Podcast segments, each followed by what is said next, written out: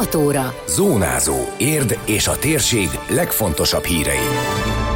Anyagi, jogi és lelki támogatás igényléséhez ad útmutatást a rendőrségen kialakított Érdi Áldozatsegítő Központ, nevelőszülői képzést indít a Fészek Gyermekvédő Egyesület. Már érdemes nyilatkozni az SZIA kedvezményről, hogy a februári utalásnál a számlán legyen. Ez a Zónázó, az Érdefem 1013 hírmagazinja. A térség legfontosabb hírei Szabó Beátától. Érden nyílt Pest megye egyetlen áldozatsegítő központja. A Városi Rendőrkapitányságon alakított alakították ki, nemrég adták át hivatalosan. Itt útmutatást kaphatnak a bűncselekmények kárvallottjai, hogy miként juthatnak segítséghez, ismertette a Pest megyei rendőrfőkapitányság bűnügyi főkapitány helyettese.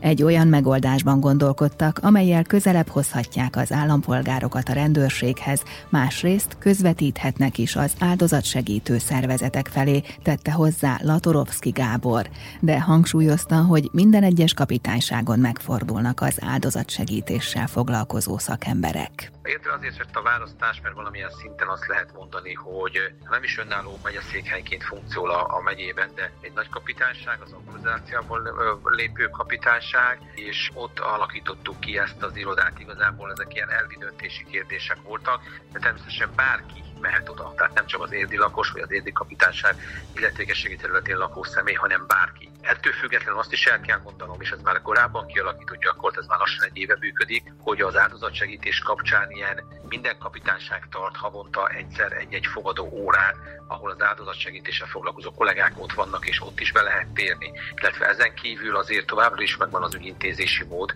amit a sértettek és áldozatok a feljelentéskor kaptak meg akár telefonszámot segítségen keresztül, akár a fővárosba is beutazva lehet és tudják intézni ezt.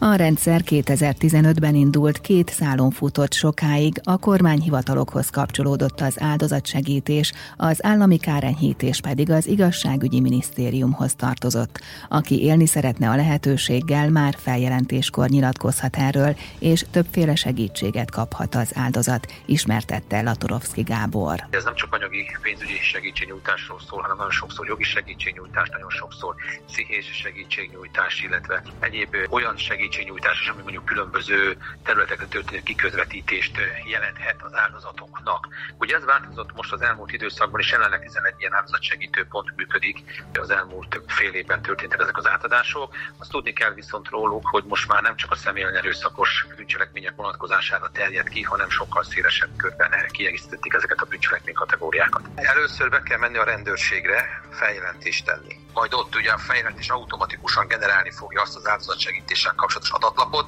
amiről nyilatkozni kell, hogy ezt megküldhető az áldozatsegítő pontnak. Érden annyival egyszerűbb a helyzet, hogy ott rögtön a fogadási időben már ott lehet is intézni, és esetlegesen milyen áldozatsegítésre vagyok jogosult.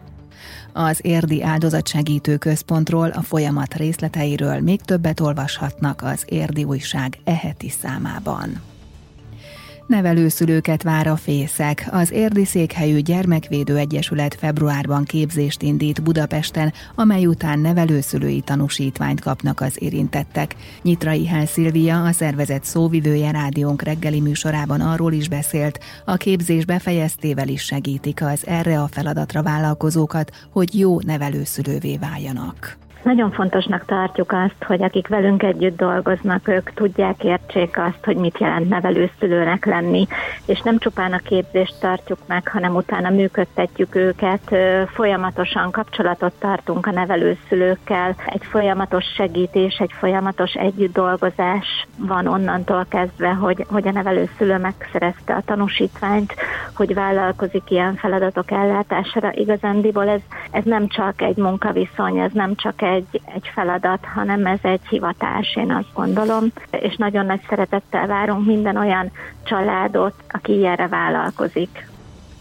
Ahhoz, hogy valaki alkalmas legyen nevelőszülői feladatok ellátására, sok törvényi előírásnak meg kell felelnie. Ez fontos ahhoz, hogy egy olyan gyermeket neveljen, aki sérült vagy bántalmazott, vagy bármilyen nehéz helyzetből, traumatizált környezetből került ki. Nagyon sok ilyen gyermek vár segítségre, hangsúlyozta Nyitrai Hál Szilvia. Minden 24. életévét betöltött, cselekvőképes, büntetlen előéletű személy, aki részt vesz a képzésen, eredményesen tulajdonképpen tulajdonképpen nevelőszülővé válhat, válik, de nagyon sok olyan dolog van, ami még ehhez szükséges, és ezt mielőtt a képzésen részt vesz valaki, mi vizsgáljuk, megnézzük, egészségügyi állapota, házi orvostól is kérünk erre. Egy papírt, illetve pszichológiai alkalmassági vizsgálaton kell részt vennie, a lakókörnyezetének megfelelőnek kell lenni, erről környezettanulmányt csinálunk, tulajdonképpen száraz, világos, jól fűthető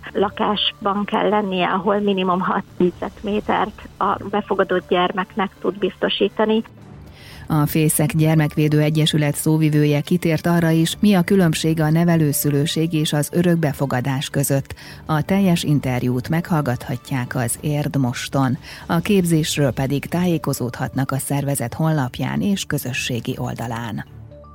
Ki korán nyilatkozik, már januárban érvényesítheti az SZIA kedvezményt. A jogosultaknak érdemes már most kitölteni az erre vonatkozó dokumentumot, hogy a munkáltatója mielőbb figyelembe vegye, és már a januári bérrel megkaphassa a munkavállaló, hívta fel a figyelmet a NAV Pest megyei adó és vámigazgatóság sajtóreferense.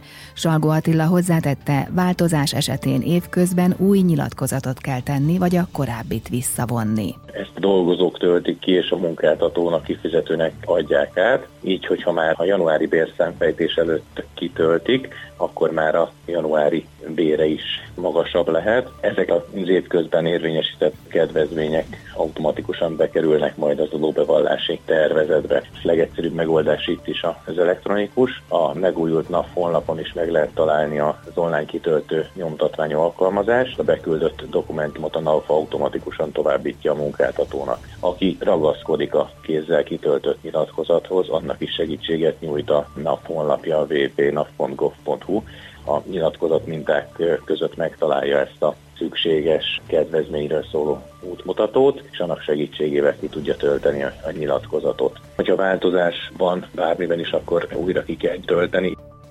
A személyi jövedelemadó kedvezmények köre januártól egy újjal bővült.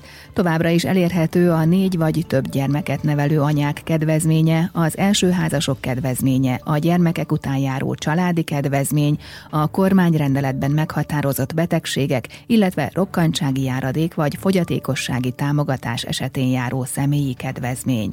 Ezek mértéke a minimálbér emelkedéséhez igazodva idén 66.700 forintra nőtt, ami havi 10 5 forint adó megtakarítást jelent, valamint ettől az évtől új adóalapkedvezményt vehetnek igénybe a 25 év alatti fiatalok, emelte ki Salgó Attila. Tehát a fiatal, 25 év alatti fiatal összevont adóalapját kedvezmény illeti, felső korlátja havi 433.700 forint, ezt a munkáltatónak is, illetve kifizetőnek hivatalból csökkentenie kell az adó alapját ezzel, kivéve, hogyha a 25 év alatti fiatal nem rendelkezik írásban máshogy, magyarul, hogy ő majd szeretné egy összegben az adóbevallásában érvényesíteni ezt az összeget.